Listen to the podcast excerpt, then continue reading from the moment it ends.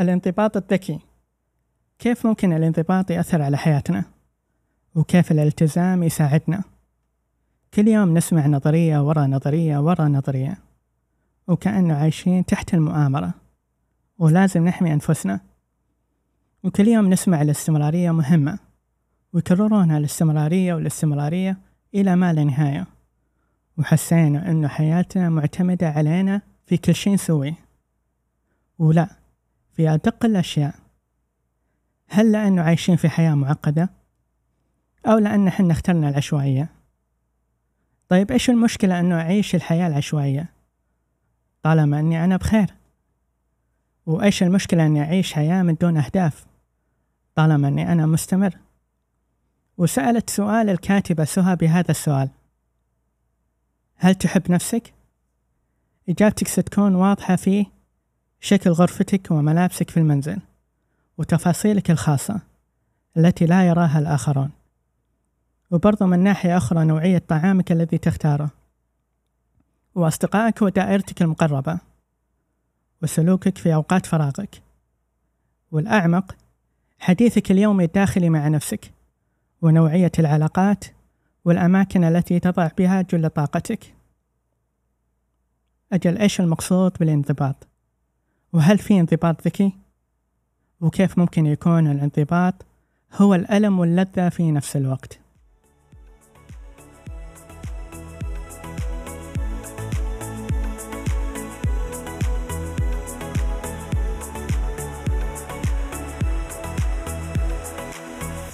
حياكم الله في مساحات سعيد. هي مساحات جميع التخصصات. أو قد تكون هذه المساحة هي مساحتك أنت. تلهمنا وتثرينا بقصتك. مثل مساحة اليوم. هي عبارة عن مناقشة بعض الأفكار ونتناولها أنا ووفاء العتيبي بصوت عالي بحيث نسمع أراكم, أراكم من خلال التعليقات ونشوف إيش هي انطباعاتكم.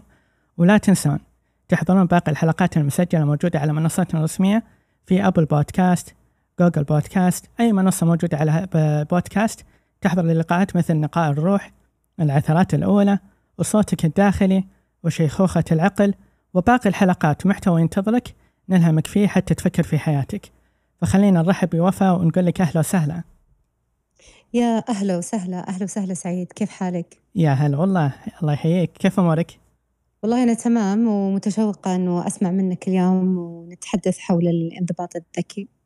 وفعلا ولو تلاحظين أنه آخر حلقة تكلمنا عنها في اللي هو إدارة الانفعالات وكيف أنه مهم جدا الواحد ينتبه للانفعالات اللي يعني بناء على المواقف. واليوم راح نتكلم عن الانضباط إنه يعني هل معقول الانضباط مهم جدا لدرجة إنه يفرق معي في الحياة؟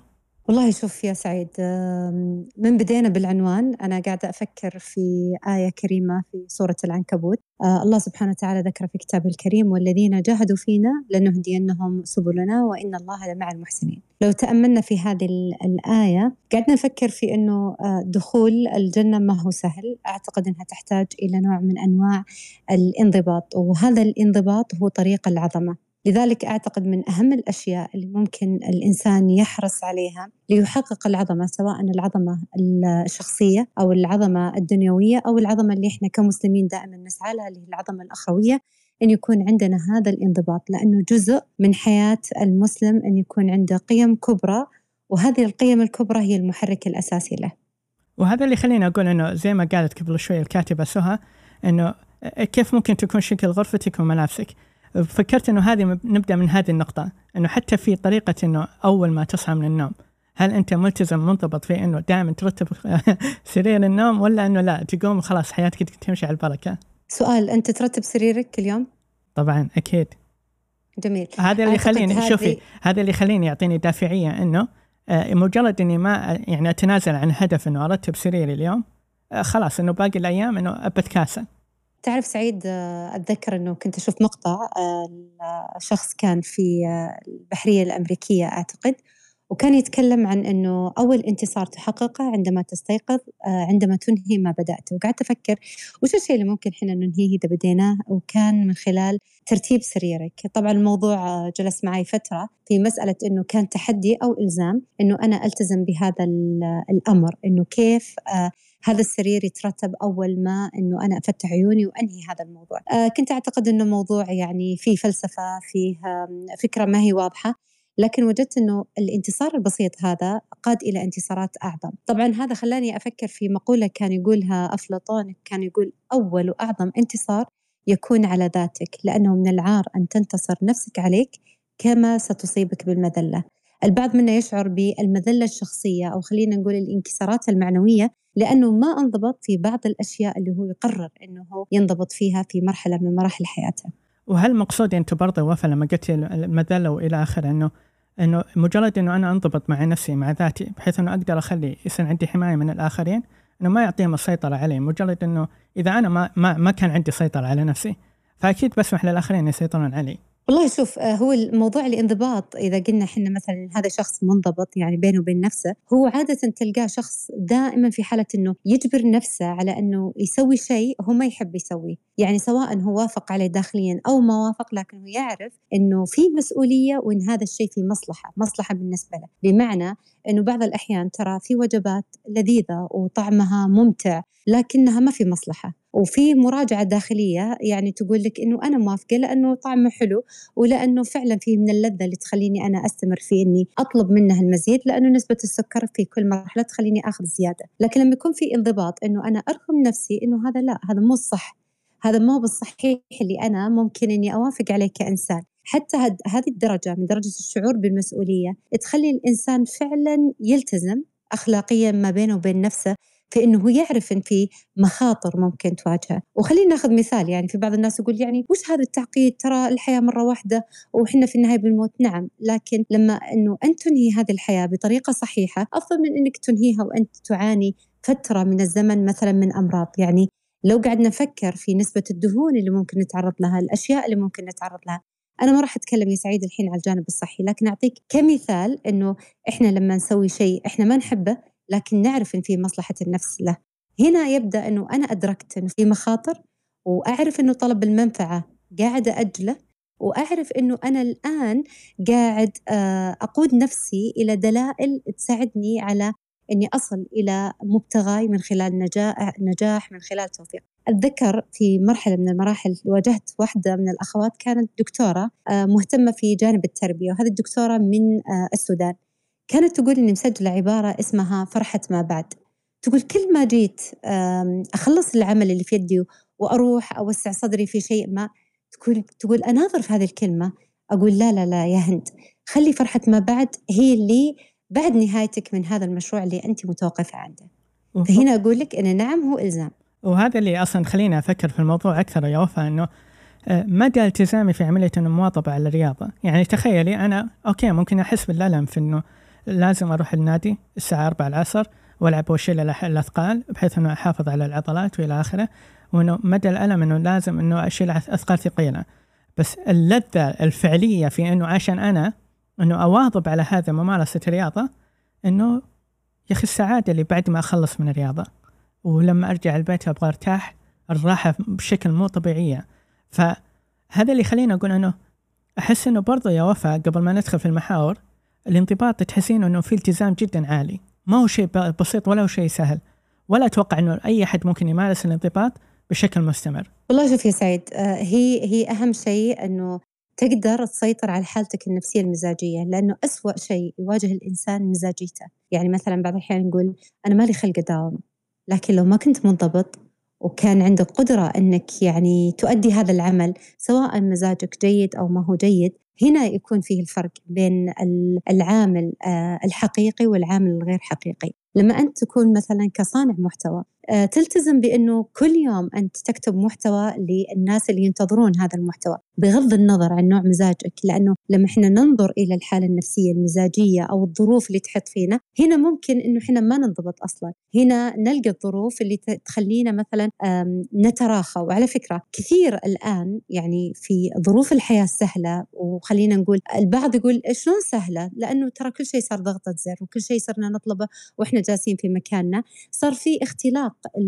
يعني للفشل وتغطية للمبررات وتلقى الآن كثير من الناس يقعدون يقولوا لك إنه والله في صعوبة وإحنا آه، وقتي قاعد يضيع وأنا ماني لاقي وقت لأنه ترى سهل إنه إحنا نلقى هذه الأمور اللي تدمر النجاح لأنه في حالة نفسية مزاجية قاعدة تتحرك أو إنها قاعدة تتحكم فينا. فزي ما قال أفلاطون يعني في البداية إنه أنت تتغلب على نفسك أنت ما تتغلب على أحد آخر في عملية الانضباط الذاتي. هو اسمه انضباط ذاتي يعني هو معناته سيطرة على نفسك. أنت كيف تسيطر على هذه النفس؟ كيف تسيطر على تصرفاتك؟ كيف تسيطر على شخصيتك عشان أن تحسن نفسك؟ يا الله يا وفاء يوم قاعد تسمع كلامك أقول سبحان الله شوفي كل المواضيع اللي تكلمنا عنها. يعني من من نبدأ من صوتك الداخلي إلى خطواتك الأولى عثراتك الأولى كلها تعتمد على هذا الموضوع الانضباط. وخلينا نتعمق في هذا الموضوع أكثر مع بعض ونشرح إيش المقصود بالانضباط عشان نستوعب إيش قاعد يصير. جميل. طيب قبل ما ندخل في يعني التعريف أنا بسألك سؤال. سعيد فكرت تبني بيت؟ آه ودي والله. ممتاز. طيب وش أول شيء لازم تسويه عشان تبني البيت؟ أول شيء لازم أوفر المادة عشان أقدر أبني البيت. غلط. آه طيب. الالتزام إنه أخذ قرض مثلا؟ غلط. آه طيب. الوضوح الهدف؟ غلط. طيب. إيش عيدي سؤالك مرة ثانية؟ أنت نفسك يكون عندك بيت صح؟ وش أول شيء لازم يتحقق عشان إنه تبدأ في بناء بيتك؟ لازم يكون عندي مصدر دخل؟ غلط. أها. طيب. آه إيش ممكن يكون؟ آه هل قصدك إنه آه إنه كان نيتي بس إنه ما كان عندي العزيمة؟ والله أنت قربت. شوف يا سعيد يلا. هو البداية البناء للبيت وكل الآن اللي يعني قاعدين يفكرون معنا إنه ليه ليه غلط غلط غلط؟ لأنه فكرة إنه أنا يكون عندي بيت بدأ من فكرة إنه أنا عندي فكرة. فحتى البناء أو أي شيء في الحياة هو نشأ من الفكرة. الانضباط هو فكرة. إذا ما كانت الفكرة هذه واضحة عند الإنسان ما راح ينضبط. أنا أنضبط على وشه أصلا؟ وأنضبط لإيش أصلا؟ إذا ما كان عندي الفكرة الواضحة اللي أنا لأجلها أنا سوف أنضبط ما راح أنضبط. فلا بد يكون عند كل واحد فينا فكرة واضحة في البداية قبل ما نعرف أصلا الانضباط. إذا ما في فكرة واضحة لحياتنا بشكل يعني كبير الحياة مثل البيت اللي أنت قاعد تبنيه لا يمكن أنه أنا أوفر المواد بدون ما أوفر الأساس والأساس هو الأفكار الفكرة الحقيقية المعتقدات عن الانضباط. إحنا قاعدين يعني نعتقد عن أنفسنا حول الانضباط؟ إحنا قاعدين نعتقد معتقدات مو صحيحة. آه نعتقد إن إحنا كسولين إحنا ما إحنا بكسولين. الإنسان لما يكون محتاج إنه يكون نشيط لظرف ما هو نشيط. متى نكسل؟ إذا ما كانت عندنا أفكار واضحة. متى نسوف؟ إذا ما كانت عندنا أفكار واضحة. فلذلك لابد يكون في الأول يعني عملية الانطلاق للانضباط الذكي أن يكون عندي فكرة تقودني أساسا لعملية الانضباط. فلو جينا نعرف الانضباط أصلا إيش معنى كلمة انضباط؟ هو تناغم بين أفكارك ومعتقداتك ورؤيتك للحياة. وبين سلوكك في اليوم وكيف أنت توافق على هذا السلوك. وأنت كيف تبدأ في عملية ترتيب أولويات اليوم فأنت تقدم نشاط على نشاط وتنفذ عمل على عمل. وكيف أنك تبدأ في أنه تنظيم نفسك علشان ما يكون فيها نوع من أنواع الفوضى والتهميش، فنجي إلى إنه لما نقول هذا منضبط يعني هو مسيطر، مسيطر على نفسه مسيطر على تصرفاته مسيطر على انفعالاته دائما يطور في نفسه ويحسن في نفسه نجي السؤال قبل شوي سألته هل إنه إحنا طول الوقت منضبطين؟ لا هذا كلام مو بصحيح إحنا ما نقدر نسير في الحياة على وتيرة واحدة مستحيل إنه في إنسان يقول لك دائما أنا منظم ودائما أنا مرتب لابد أن يكون في عشوائية وهذه جماليات البشرية. عشوائيتنا هي جمالنا أنه أنا أعرف اليوم أني أمر بظروف معينة أو أني أمر بنفسية ما. لابد أني أعطيها يعني مساحتها وبعدين أبدأ في عملية العودة للانضباط. على فكرة سعيد كل الأشخاص اللي عندهم القدرة العالية على عملية الانضباط تلقى عندهم معنى أسمى للحرية. يعني ليه هم عندهم حرية؟ لأنهم يعرفون يتعاملون مع إشارات المرور اللي تصير في حياتهم. يعرفون متى الإشارة لما تكون خضراء ينطلق بأمان ومتى يكون اللون خلينا نقول الأحمر يقول له وقف وفي ازدحام. لما يكون في ازدحام لأفكار ازدحام لمشاريع ازدحام. متى الإنسان يقدر يسيطر؟ على هذا المعنى في حياته من خلال هذه الحرية. طيب انت قلت لي الانضباط هي عبارة عن فكرة كيف ممكن يؤمن فيها الإنسان ويبدأ فيها، بس السؤال الحقيقي اللي ممكن أنا أمشي عليه وقلت لي إنه إنه فعلا الإنسان مو ك... مو لازم يكون ملتزم دائما بالانضباط، وهذا أصلا هي سنة الحياة، إنه ما في شيء دائم إلى الأبد، إنه في لا، إنه ممكن أخذ راحة وإلى آخره. بس هل الانضباط له علاقة بإنه أكون اعاند أعاند مع نفسي بحيث إنه أكون يعني ضابط نفسي بحيث إنه لا لا لازم أضغط على نفسي عشان أتعود على الانضباط. ولا إيش قصدك يعني بالانضباط؟ الذكي؟ مفهوم الذكي هذه. كيف ممكن دخل علينا في الانضباط؟ والله شوف بقول لك شيء. مسألة المعاندة لما نقول إحنا نعاند أنفسنا آه، النفس مثل الطفل. يعني أعتقد إنه في مرحلة من المراحل لابد إنه نفطم هذا الطفل. وفي عادات وسلوكيات نحتاج إلى الفطام. يعني مرحلة الفطام ترى مو سهلة. هي من أصعب المراحل اللي يبدأ في عملية الاستقلالية للطفل. فلو تخيلنا إنه أنفسنا الداخلية أو عاداتنا مثل الأطفال تحتاج إلى عملية فطام أساسا، عملية الفطام يبغى لها جرعات يعني متدرجة، يعني مثلا سعيد بسألك سؤال، هل أنت يعني لما أخذت الإجازة حقت اليومين حقت يعني إجازة اليوم الوطني, الوطني. ورجعت. هل أنت نفسك سعيد قبلها؟ هل كنت في نفس الرتم والسرعة لا ولا أنت لا لا والله شوفي إلى الآن الحين ممكن أعاني حتى في عملية نظام النوم أخترب النوم. على طول صارت صار في خلل في نظام النوم. جميل. كل كلنا كلنا صارت لنا هذه خلينا نقول الانتكاسات الطبيعية اللي اللي تمر وتروح وتجي. لكن عملية الفطام يبغى لها ذكاء. يعني أنت تشوفي أمهات عندهم قدرة إنها تفطم طفلها بذكاء بدون ما تأذيه نفسيا. البعض توصل مرحلة حرمان تلقى الطفل عمره خمس سنوات ويشيل رضاعه بيده. ليه؟ لأنه ما وجد الأم المسؤولة الذكية اللي يكون عندها قدرة على عملية الفطام الصحيح. فأنت لو ت... يعني تتخيل هذه النفس الموجودة أمامك مثل الطفل وأنت تحتاج أنك تسحب منها بسحب ذكي عاداتها اللي ما تقودها إلى النجاح. المهام اللي هو قاعد يسويها بطريقة تقود إلى الفشل. يعني كل يوم ينام يقول بكرة بسوي كذا ويجي اليوم اللي بعده أنا بكرة بسوي كذا. على فكرة إحنا الآن في يعني اليوم إحنا 30 اثنين آه بالتاريخ الهجري إنه لنا الحين شهرين. وعلى يعني مقاربة أو مشارفة آه 2022 إنه نخلص منها باقي ثلاثة شهور لو كل واحد فينا قاعد يتأمل لو أنا قاعد أخلي هذه النفس مدللة ومرفهة على طول هل ممكن أنه أنا أصل أو أعيش في راحة من الحرية؟ هل أنا أصل أنه إلى درجة من الرفاهية اللي أنا أنشدها في حياتي؟ إذا أنا دائما مهمل أو مقصر أو أنا خليني أقول يعني أشعر بنوع من أنواع الغبن أنه نفسي غابنتني أنه أنا ماني قادر أضبطها هنا نقول هذه النفس مدللة والنفس المدللة تحتاج إلى فطام والفطام يحتاج إلى ذكاء يحتاج إلى جرعة تسحب ولكن بتدرج بدون سرعة عشان طيب، كذا قلنا إحنا انضباط ذكي طيب هل هل له علاقة برضو يا وفاء إنه من ناحية إنه لو بدخل في في عملية الانضباط هل لازم في فترة معينة أمشي في وقت معين؟ يعني لما ذكرت الفطام للطفل نفسه أه وصل لمرحلة خمس سنوات ولسه إلى الآن يمسك الرضاعة، هل برضو إحنا كأشخاص عشان نتعلم الانضباط لازم في فترة معينة في وقت معين ولا يكون مرحلة تدريجية؟ والله شوف هو على حسب يعني طبيعة يعني المدة اللي الإنسان أخذها من خلال وجود هذا السلوك أو هذه العادات اللي ما خلته ينضبط. يعني أنا أقدر أقارن مثلا شخص أنه مر في 20 سنة وهو قاعد يرفه هذه النفس ويدللها ومو قاعد يضبطها أصلا.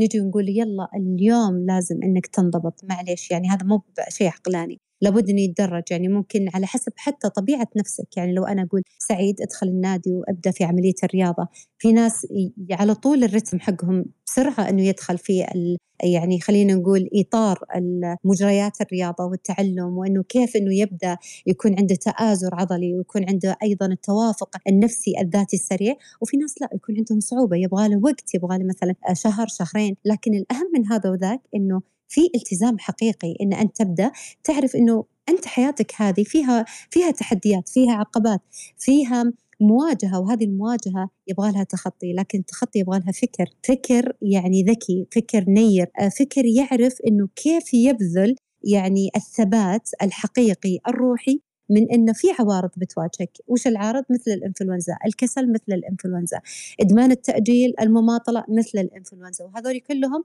أعداء للنجاح والتفوق، فأنا عشان فعلا أنجح وتفوق لنفسي ولأجل نفسي وعلشان فعلا أحقق أشياء أتمناها لابد أني أعرف كيف أتخلص من هذه العوارض بطريقة ذكية من خلال الأفكار النيرة من خلال أفهم طبيعة نفسي. أنا نفسي هذه طبيعتها.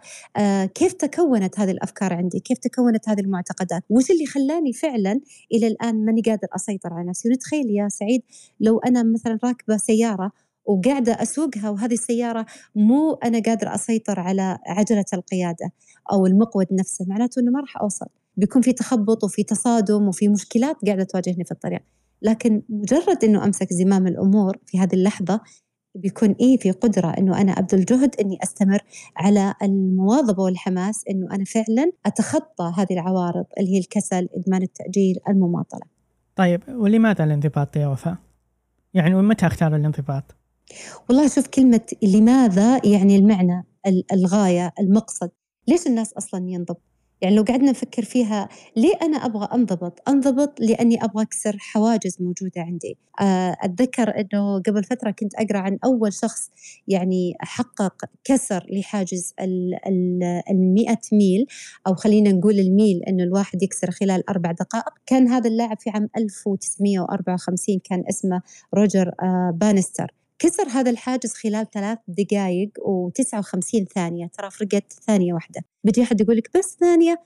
كل اللي بعده انكسر الحاجز بالنسبة لهم. كلهم بدوا آه. أنهم فعلا يدخلون المسابقات ويقولون لا زي ما وصل روجر إحنا بنوصل. إن كانوا أول عندهم خوف أنه خلال الأربعة دقائق ممكن ينفجر القلب. هو قال لهم لا معليش أنا أقدر أوصلكم في ثلاث دقائق وتسعة وخمسين ثانية. فلما أنت كإنسان تكسر هذا الحاجز اللي هو حاجز خلينا نقول الخوف من عملية الانضباط لأنه تراها مسؤولية والتزام والتزام ذاتي بينك وبين نفسك ما هو بين أي أحد آخر. فأنت لما تكسر هذا الحاجز أنت بتقدر تستمر لأنه كل نجاح يقود إلى نجاح وكل فشل أساسا يقود إلى فشل. بنقول إنه دائما أنا بكون منضبط؟ لا مو دائما أنت أنت بشر. إيه، بتنضبط فترة وبترجع مرة ثانية يعني تنتكس. لكن الأهم من هذا وذاك إنه أنت كإنسان إنه ما تنسحب لأنه ما عمرنا شفنا منسحب إنه فاز. ولا عمرنا شفنا فاز ما ينجح. الفائز يعني فوزك مجرد إنك تفوز على نفسك في عملية ضبطها كضبط يعني لها إنه أنت فعلا تقدر إنك آه، ما تسبب لنفسك الصدمة النفسية أو الخسارة من قوة التزامك هذا أنت تقدر فعلا ان يكون عندك قوة شخصية. ولاحظ يا سعيد دائما الأشخاص اللي عندهم قدرة على ضبط أنفسهم يعني عندهم انضباط ذاتي مع أنفسهم تلقى أساسا في عنده قدرة على السيطرة سيطرة على ردة فعله سيطرة على استقراره النفسي سيطرة على آه، قوته لما يجي يتكلم سيطرة على اتخاذ قراراته لأنه عارف أن عنده انضباط ذاتي. لو تلاحظين يا وفاء إنه في بعض الانضباطات ممكن تكون لا يعني نسويها إحنا نمارسها من دون ما نشعر، يعني اعطيك مثال إنه لما نهتم بالمظهر الخارجي تشوفين إنه دائما بين فترة وفترة نحاول قد ما نقدر نروح الحلاق نحلق عشان نحافظ على المظهر الخارجي، يعني ممكن الانضباط ما يكون لهدف سامي واضح بحيث إنه أوه أنا بغير من حياتي، آه، إلى إلى الثراء وما أدري إيش. لا ممكن الممارسات اللي تكون صغيرة اللي تحسن من جودة الحياة اللي عندي خاصة لما نتكلم عن إنه كيف ممكن إنه تنعكس حياتي الاشياء اللي أنا بفضلها إنها تكون موجودة. يعني زي ما قلنا اول شيء بالمظهر طيب فما بالك بترتيب المكان؟ أو لا فما بالك إنه في بداية أول ما أوصل مكتبي العمل كيف ممكن أنا يكون عندي ترتيب في المهام؟ هذه يساعدني في عملية إنه أحافظ على عقليتي نفسها بدل ما تكون عشوائية لأنه كل شغلي. يعني تخيلي هذا الموقف. أنا أول ما أوصل المكتب أفتح الجهاز. أول ساعة أحاول قد ما أقدر إنه ما أفتح الجوال بحيث إنه أرتب إيش المهام اللي عندي. ومواظب على هذه الفكرة. الشيء الثاني لما أفتح مثلا الكمبيوتر أحاول أشوف الإيميلات أو أرتب الأشياء المهمة بحيث إنه أنجز المهام الأساسية. طيب والشيء الثالث أحاول قد ما أقدر إنه المكتب ما يكون عندي أوراق مبعثرة بحيث أنه لو عندي برجع لورقة بحلها أو برجع بكمل عليها العمل يعني ممكن تكون آه، بعض المهام تكون لا متراكمة بحيث أنه تاخذ يوم بعد يوم لانها مرتبطه بأشخاص معينين. فتخيلي أنه أنا لو ما أمارس هذا الشيء بالرغم أنه أصلا هي ممارسة روتينية روتينيه آه، روتين يعني مو بأنه شيء أنه بخلق الذرة أو أنه مثلا لا هي عبارة عن روتين. بس الروتين هذا تخيلي مو كل الناس اللي ممكن تنضبط فيها وفاء وتخيلي أصلا حتى لما نقول حنا إنه بس برتب السرير. إيش الدافعية اللي خليني أنا كل يوم أرتب السرير؟ يا عمي خلي خلاص انتهى الموضوع. في ناس تفكر بهذه الطريقة. يعني شوفي سبحان الله الانضباط ممكن يكون ترى بعض الأحيان بالممارسات اللي نسويها من دون ما نستشعر فيها. فهنا اللي يخليني أسألك هذا السؤال واللي خلاني أفكر فيه كثير في هذه اللحظة إنه كيف ممكن الألم واللذة يكون بينهم الانضباط؟ والله شوف أنت قاعد تتكلم الحين كنت تتكلم عن آه، التنظيم الخارجي يعني التنظيم برا.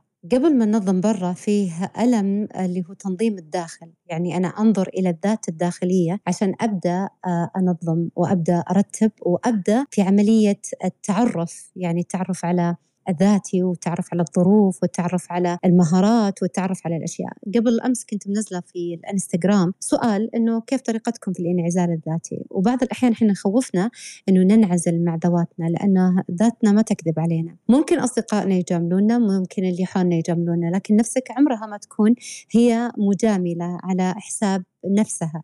فهي تكون صريحة معك تماما في عملية المواجهة لكل تصرفاتك. فمن المؤلم بعض الأحيان الجلوس مع الذات والخلوة معها أنه إحنا تعودنا دائما أنه في مثيرات خارجية هذه المثيرات الخارجية هي اللي قاعد تعطينا متعة متعة التعليق متعة الامتداح من الآخرين متعة الثناء متعة الشكر متعة التشييد أن الناس قاعدين يشيدون بإنجازاتنا. وهذا ممتع بالنسبة لنا وهذه لذة. ممكن هذه اللذة لو استمرينا فيها يعطينا إنه شعور آه، إنه إحنا حققنا وإحنا ما حققنا شيء. من المؤلم ساعات الجلوس مع الذات إنه نرجع مرة ثانية نشوف وش الإمكانيات اللي عندنا، وش المواهب اللي عندنا، وش القدرات اللي إحنا إلى الآن ما استخدمناها أو ما استغليناها. فنجي لسؤال الألم والمتعة دائما مجرد الخروج عن النطاق يعني المعتاد عند الإنسان مؤلم بالنسبة له. دائما كانوا يتكلمون عنها سعيد اللي هي منطقة الراحة منطقه اللا راحه صح. ودائما كانوا لما يقولون اللا راحة هي ما هي اسمها اللا راحة هي منطقة التعرف على قدراتك الحقيقية هي منطقة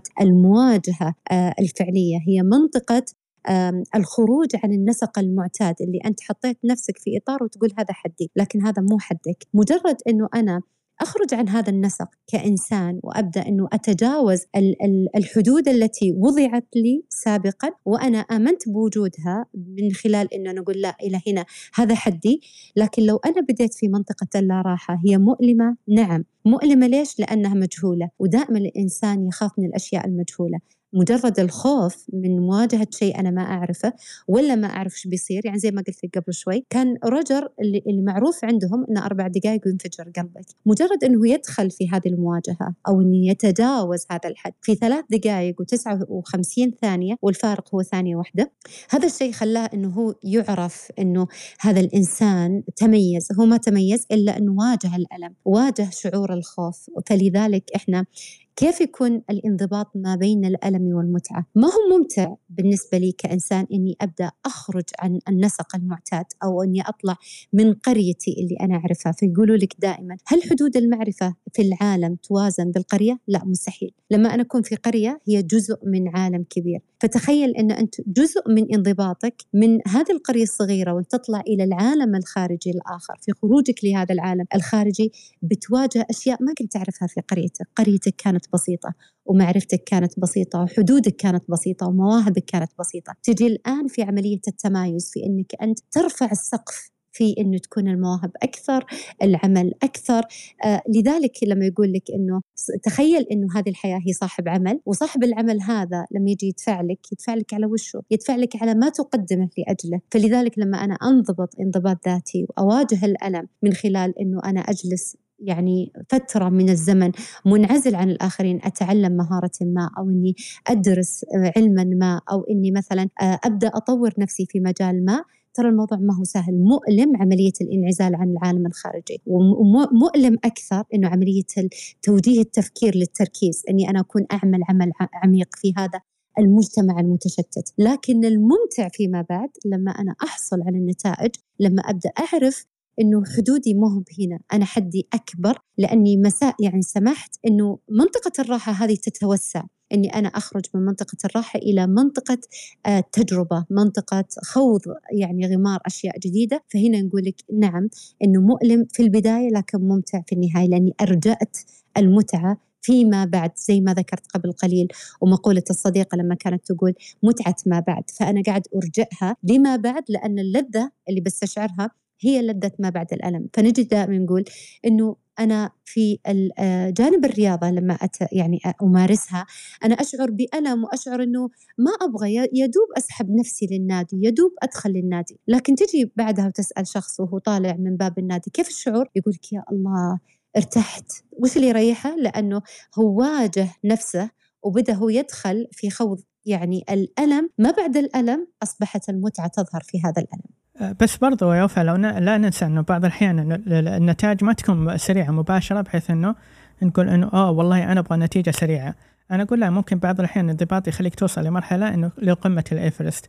فعشان تصعد لقمة الإيفرست تحتاج إلى خطوات. ممكن تكون هذه الخطوات بطيئة ممكن تكون هذه الخطوات صعبة ثقيله على رجلك إنك تأخذها. ممكن هذه الخطوات بحيث إنه أنت أول شيء زي ما قالت وفاء في بداية المساحة إنه إنه أو في بداية الحلقة إنه إنه أول شيء من داخلك لازم تتعرف على نفسك لازم تعرف إيش اللي تحتاجه وايش اللي يقوي في من داخلك ومن بعدها ننطلق إلى مرحلة المواجهة للحياة اللي ممكن نواجهها من ناحية الشتات اللي تصير حولك أو حتى مغريات أو إنه يعني تخيلت يا وفاء إنه بعض الأحيان زي ما قلت إنه مجرد إنه التطبيقات توفر لنا التوصيل هذه يخلينا إنه ننك يعني كسلوا إنه ما نخلينا نطلع برا البيت عشان ممكن نشتري حاجة من السوبر ماركت تخيلي. فما بالك أول كنا كنا دائما نتحرك نتحرك نتحرك.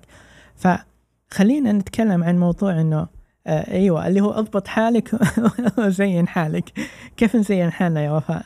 والله قبلها ب... يعني أنا جاء على بالي على طول مقولة أو بيت شعر للمتنبي. كان يقول أهم بشيء والليالي كأنها تطاردني عن كونه وأطارد. وحيد من الخلان في كل بلدة. إذا عظم المطلوب قل المساعد. فتجد لما تجي موضوع الانضباط في بعضهم يقول لك والله أنا ما حولي أحد أنا ما في أحد يساعدني. نقول لما يعظم مطلوبك أنت يقل المساعد يعني معناته إنه أنت الوحيد اللي لابد أن تكون نفسك تواقة إنه تنجز آه يعني هذا الشيء ويكون عندك يعني تصور للشيء اللي أنت تبغى توصل له. فإذا ما كان عندي قوة من خلال رغبتي الداخلية أنه أنا أصل أو أستحضر يعني انتصارات متراكمة كانت عندي سابقا. هذا ما راح يساعدني أني أنا فعلا أني يعني أصل بالشكل الصحيح. فنجي على كلمة أضبط حالك. أنا عجبتني صراحة المقولة يا سعيد وأعتقد أنت اللي دونتها. وأضبط حالك وذكرني بالجملة الثانية. أضبط حالك وزين حالك. وزين حالك. طيب ممتاز. معناته أضبط حالك وزين حالك. آه، مهم جدا إنه يكون في خطوات والخطوات بتكون بسيطة. وعلى فكرة تراها ما فيها فلسفة. هي الفلسفة الوحيدة إنه ما بعد هذا اللقاء كل واحد فينا يجلس مع نفسه ويبدأ يقول وش الخطوات الحقيقية اللي ممكن تضبطني أكثر؟ كل واحد فينا له أهداف وله خطوات. فالسؤال الأول لماذا أنا أبغى أنضبط؟ ليش أبغى أكون إنسان منضبط؟ وش الأشياء اللي بتخليني فعلا أنه في خضم هذا الزخم من المتع الموجودة حولنا كيف أنه أنا أنام مبكرا أو أني أسهر لأجل شيء ما؟ وش اللي يخليني أتعلم هذا الشيء؟ أو وش اللي يخليني أمارس هذا الشيء؟ لابد يكون عندي يعني دائرة واضحة محددة من الهدف اللي يخليني فعلا أنضبط. اثنين أبدأ أتخيل أتخيل شكل هذا الهدف. قبل شوي لما قلت قمة إفرست. أتذكر كان في لقاء معنا يعني في ساعة وفاة سويناه مع آه الزمان فاروق الزمان الله يذكره بالخير كان يقول جلست فترة أنه أتخيل أنه أنا وصلت للقمة. ويقول مجرد بس جلستي هذه كانت فيها نوع من أنواع المحاكاة العملية إنه هو كان يشوف أصلا آه، مرحلة الوصول. آه، صح إنه بدأ يتدرب لكن قبل ما يتدرب هو بدأ يتخيل هذا الهدف وكيف يوصل هذا الهدف. يقول بعدها بدأ وضع خطة عمل لذلك لابد أن يكون في خطة واضحة لعمليه الانضباط. وش الفعل اللي أنا بسويه؟ آه، وقت البداية متى أنا ببدأ؟ وش المشاكل اللي ممكن تواجهني؟ وعلى فكرة لما يكون في مشاكل معروفة ومحتملة يكون على طول في آه، طرق لمعالجتها. يعني أنا أعرف وش الخطوات اللي ممكن أنا أعالج هذه المشكلة. في استراتيجيات أنه أنا أتغلب على هذه المشكلة المحتملة ويكون في تقرير للتطور. يعني كل شوي أنا أحط هذا التقرير. وجميل أنه أنا مجرد ما أنتهي أبدأ أنه أكتب يكون عندي ورقة وقلم أكتب عن نفسي أنه أنا بديت في الوقت الفلاني في مشاكل محتملة في استراتيجيات أنا استخدمتها عشان أتغلب عليها في تقرير للتطور.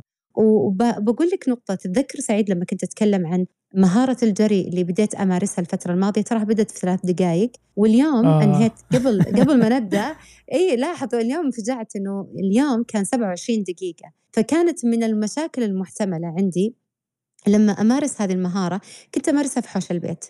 آه، فعندي بابين يعني آه، إذا بنتي الصغيرة تفتح الباب إذا ما رديت عليها تروح مع الباب الثاني مع الجهة الثانية لما أنا أكون أركض. فش وش الحل لهذه المشكلة بالنسبة لي؟ لأن هذا الوقت هو وقتي. فكنت أحط سماعتين علشان خلاص أعزل عن الضوضاء الموجودة وأنا أمر ما أطالع فيها نشوفها أشوف يعني آه يعني خلينا نقول شوف انعكاس يعني ملابسها وانعكاسها بس ما ما أعطيها أي اهتمام في النظر. ليه؟ لأنه أعطيتها وقتها. فلما أرجع وأنتهي أجي أجلس معها وأقول لها معلش يا حبيبتي هذا الوقت وقتي أنا أعطيتك وقتك السابق فلما تشوفيني بديت لا تحاولين إنك تفصليني عن التركيز اللي أنا وصلت له، فهنا نجي نقول إنه أنت عشان تضبط نفسك لابد إنك تعرف في خطة العمل الفعل وقت البدء، المشاكل المحتملة، استراتيجيتك للتغلب على هذه المشاكل، تقرير التطور بينك وبين نفسك مو بلازم يكون في أحد يعرف لك وش تقرير التطور، أربعة حلو أن نجهز يعني أنفسنا عشان نتخذ الخطوة الفعلية متى ما بدينا أو قررنا عملية البدء. يعني بعض الناس كانوا يجهزون جزم الرياضة يعني وأنت بكرامة والجميع يكون جاهزة والبعض كان يجهز مثلا أوراق العمل علشان يبدأ يكتب محتوى. فهنا لابد أنك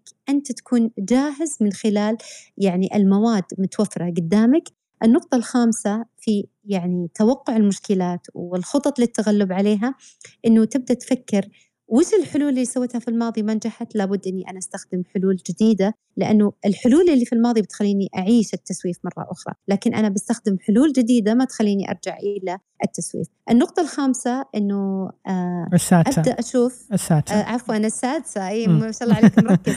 السادسة أبدأ بإني أنا أراجع هذه الخطة. أشوف وش الشيء الفعلي اللي أنا أحتاج إني أستمر عليه؟ وش الشيء اللي أنا لابد إني أوقفه؟ لأن الاستراتيجية هذه ما هي بصحيحة بالنسبة لي. والنقطة آه السابعة إني أعيد صياغة الخطأ اللي صار علشان أنا لما أجي ألتزم ألتزم بطريقة صحيحة. يعني أبدأ يعني وعلى فكرة كثير من الباحثين آه لقوا إنه لما الإنسان يكون في حياته أخطاء لما يجي يعمل تجربة أو يبدأ يدخل في انضباط لأمر ما. يبدأ هنا آه، اقتراف الخطأ هو المعلم الأساسي بالنسبة له. فتلقى هذا الإنسان ما يرجع مرة ثانية. يعني لو رجعنا إلى سعيد بداياتك في كتابة المحتوى أكيد في كان في أخطاء. آه. هل تعتقد أنه الآن لما نقول متابعينك ما شاء الله وصلوا 58 مثلا آه 58 ألف ما هو ما هو عدد سهل. هم هم وصلوا من خلال تلافي الأخطاء اللي أنت مريت فيها. آه، من خلال إنه أنت تبدأ آه، تقبل إنه في خطأ لكن تقبل تصحيح هذا الخطأ في ذات الوقت. فاللي يخلينا ننضبط إنه إحنا قابلين عندنا مرونة سلوكية. أنا قابل إني أصحح هذا الخطأ. مهم جدا انه يكون عندنا تشجيع لأنفسنا عشان ننضبط يعني يوميا. على فكرة في ناس يقول التشجيع لازم إنه أنا كافئ نفسي آه، وأخذها في رحلة ما أدري ما ترى لا مو بالضرورة. المكافأة من خلال تقدير هذا الجهد وأما بنعمة ربك فحدث. إنه أنا أشكر رب العالمين وأمتن إنه هذه العادة أو هذا الانضباط صار من ضمن يعني مجريات حياتي. في بحث في عام 2011 قال إنه نسبة 27% من الناس اللي جاوبوا على اسئلة هم حطوها الموضوع العزيمة والتحكم بالنفس قالوا إن هذول الناس اللي كانوا يمتنون ويشكرون أنفسهم ويحمدون رب العالمين على ذلك إنهم صار عندهم أمل أكثر في الحياة وصاروا عندهم انضباط أكثر. سبحان الله وهذا كأنك تعالجين يا وفاء من ناحية إنه جودة الحياة إنه الإنسان سبحان الله لازم يحسن من جودة الحياة بناء على إنه إيش الظروف اللي يعانيها في هذه اللحظة وتلاحظين إنه إحنا قاعدين نت يعني نعيش في حياة متغيرة ما ما تكون حياتنا ثابتة على مستوى واحد أو أو على ظروف واحد أو على إمكانيات واحدة. هي بناء على الأشياء المكتسبة اللي اكتسبناها من الحياة ونواكب معها مع ظروف الحياة اللي نواجهها. لهذا السبب أقول إنه آه مو شرط أساسي إنك تنضبط على ممارسة معينة وتلتزم فيها. لا الانضباط هو إنك حتى لو لو مريت في ظروف متغيرة إنك تواظب مع هذه الظروف المتغيرة. آه، هل هل تأيدين معي هذه المقولة من ثم ننتقل للختام؟ والله شوف أنا قبلها قاعدة أقول يعني إذا جينا نتكلم عن شيء لازم نعرف هذا الشيء. يعني معنى معنى كلمة جودة وش معنى جودة أصلا؟ وش معنى جاد آه لما نجي نقول إنه يعني أجاد الفهم آه يعني معناته أنه هو استطاع أن يتقن آه الفهم لهذا الشيء. جودة الحياة هو إتقانها آه هو طبيعتها الجيدة. يعني على فكرة هذه اسمها الحياة الكريمة أو طيب العيش. لما نقول أنه هذا الإنسان يعيش آه، يعني عيشا طيبا هذا معناته أنه في يعيش في جودة في الحياة. جودة الحياة معناتها أن يكون عندك ثقافة جديدة للانضباط يكون عندك سلوك جديد يكون عندك معتقدات يكون عندك عادات يكون عندك ممارسات يكون عندك خلينا نقول تأثير أوسع وهنا نقول أجاد هذا الشيء. معناته أن هذا الإنسان ذو جودة عالية. طيب الجودة تبدأ من وين؟ هي الجودة تبدأ من الفكرة. شفت البناء اللي تكلمنا عنه أول؟ ما أحتاج إلى أن يأخذ قرض ولا أحتاج أن يأخذ موارد. أنا أحتاج إلى جودة الأفكار. يعني كل ما كان عند الإنسان جودة في الفكر كل ما كان عنده جودة في التغذية التغذية الروحية والتغذية النفسية ويبدأ هو يغذي ذاته. فهنا نقول أنه حتى التغذية قبل أنا ما أغذي الأكل اللي أنا أختاره أختار طبيعة الفكر والأفكار اللي أنا أتبناها. فهنا نجي لما نقول إنه أنا والله شخص آه، كلمه طقيتها عوجه هذا ما هو ما هو جودة في الحياة. لأن الفكرة أساسا ما هي جيدة الفكرة مهزوزة وما راح تعطيني طيب العيش وما راح تعطيني انضباط ذكي جيد. فأنا عشان فعلا أقدر أنضبط لابد أن يكون عندي يعني معتقدات وخلينا نقول تغذية جيدة سواء في عقلي أو في روحي أو في جسدي. طيب نجي إلى التغذية الجسدية اللي هي التغذية المتوازنة. إنه أنا كيف آكل الأكل الجيد عشان فعلا يعيني هذا الجسد على إنه أنا أنضبط في أداء المهام إني أنا أنضبط في العمل إنه أنا آه، أنضبط في تقليل الضغط العصبي. وعلى فكرة إحنا نعيش يا سعيد الحين حياة كلها ضغط عصبي. يعني من من تقوم إلى تنام وأنت تعيش في معتركات حياة آه، في ضغوطات ممكن تواجهك. مهما قلنا إنه إحنا نقدر نفصل ونقدر نسترخي وبعدين نرجع لكن إذا ما أنا قدرت أقلل من هذا الضغط العصبي وأقدر آخذ يعني حقي من النوم وأقدر أمارس ال ال الأنشطة اللي تساعدني إني أنا أكون أكثر سعادة وإني أكون يعني زي تتذكر الإيكيكاي اللي كانوا يتكلمون عنه في اليابان. كانوا يقولون أنت اعمل عمل أنت تحبه ويدر عليك مالا بعضنا يعمل عمل ما يحبه وهو اللي يدر عليه المال. لذلك أنت لما تبدأ في عملية الانضباط من خلال التغذية النفسية الصحيحة وهذه التغذية تكون آه، جسد وروح وتكون آه، يعني تغذية عقل هنا بتقدر أنت فعلا توازن. بعض البعض بيقول لك طب شلون؟ كيف؟ المسألة لابد أن تؤمن بالقدرة. لما تؤمن بالقدرة بيكون عندك الفرصة أنك تحقق هذه التوازنية وعملية التغذية. ما عمر شخص حط فكرة أنه مشتت ويبغى ينضبط؟ لابد أن نشيل هذه الفكرة تماما أنه إحنا مشتتين.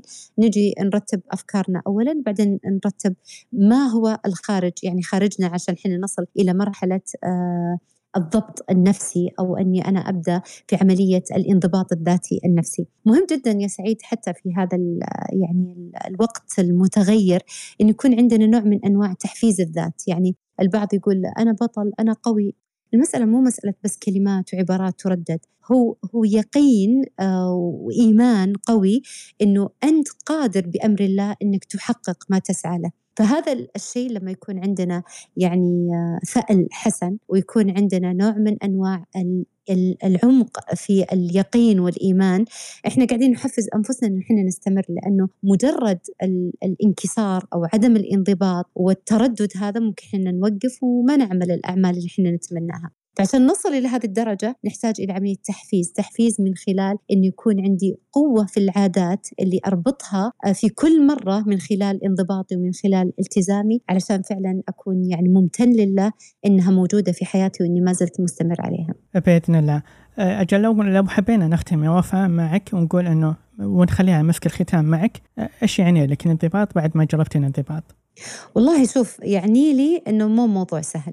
الانضباط ما هو سهل لأنه مجرد محاكمة الذات وأنك أنت تقدر على نفسك هذا معناته أنه آه أنت شخص يعني آه ناجح لأنه النجاح هذا هو نجاحك أنت مو نجاح الآخرين. يعني في مشاهدات الآخرين يعني الناس دائما يقيموننا بأنه تزوج في الوقت المحدد وتخرج في الوقت المحدد وأخذ الشهادة الفلانية في الوقت المحدد لكن أهم نجاح عند الإنسان لما ينجح في محاكمة ذاته، لما ينجح في إنه هو يضع اعتبارات شخصية بينه وبين نفسه في إنه يكون المفتاح بيده. إنه هو مالك زمام هذا الأمر إنه هو يكون يعني رضا عن إنه قدرته على عملية السيطرة. على فكرة دائما يقول الجزاء من جنس العمل وحلو جدا لما يكون جزاء حياتنا اللي إحنا نعيشها من جنس العمل اللي إحنا نسويه من خلال مجهوداتنا في التحسين إن إحنا نحسن أنفسنا من وقت لوقت إنه إحنا كيف نطور هذه النفس إنه إحنا كيف نطلق الشجاعة الموجودة عندنا علشان نشوف أنفسنا على أرض الواقع من خلال الآلام اللي مرينا فيها لأن المتع أساسا ما راح توصلها لما أنت تعتقد إنه أنت بتسير على خط أخضر دائما يعني رائع ومميز لابد إنك تشوف الخطوط الحمراء الموجودة في حياتك. وتجاوز هذه الخطوط الحمراء هي اللي تخلي الإنسان فعلا يشعر إنه تجاوز المبررات آه للأعذار المتجذرة داخل نفسه. ولو إن تخيلنا إن الحياة هي لوحة وهذه اللوحة فيها منافسين منافسنا الوحيد هو الوقت. يعني إذا ترددنا ولا أهملنا في تحريك أحد يعني رجال هذه اللوحة أو اللعبة هم بيختفون مع الوقت لكن اللي ما راح نسامح أنفسنا ومنافسنا الوحيد إن إحنا ترددنا وإن إحنا ما انضبطنا. فالانضباط هو يعني اختيار لكل واحد فينا شخصي ومن خلال هذا الاختيار هو مسؤولية وهو قرار كل يوم إحنا لابد إنه نتبناه. لو نلخص المساحة اليوم بلخصها في ثلاث أشياء. وكان أتكلم عن سمات الشخصية المنضبطه يا وفاء. وأقول إنه اولا تحقيق النجاح أكبر وهذا اللي يخلي يساعد الإنسان يحافظ على تحديد إنه يساعد على تحديد الأهداف ووضع استراتيجية وخطه مدروسة بناء على إيش؟ على الإمكانيات والقدرات اللي عنده. هذه من جانب الحياة. أو من جانب الثاني من ناحية أخرى اللي هو تحقيق سعادة أكبر على المستوى الشخصي وهذا اللي يخليه يعطيه مسؤولية تامه بحيث إنه يعرف إيش اللي عليه واللي ما عليه. والشغلة الثالثة اللي هو عبارة عن التمتع بصحة أفضل وهذا اللي يخليه دائما الشخصيه منضبطة انه يحافظ على صحته فالانضباط هو أنه إيش؟ تعرف كيف تحافظ على عقلك جسدك وروحك ضد متغيرات الحياة. فخلينا نختم معاكم ونقول مساحة سعيد هي قد تكون هذه المساحة هي مساحتك تلهمنا وتثرينا بقصتك في رعاية الله.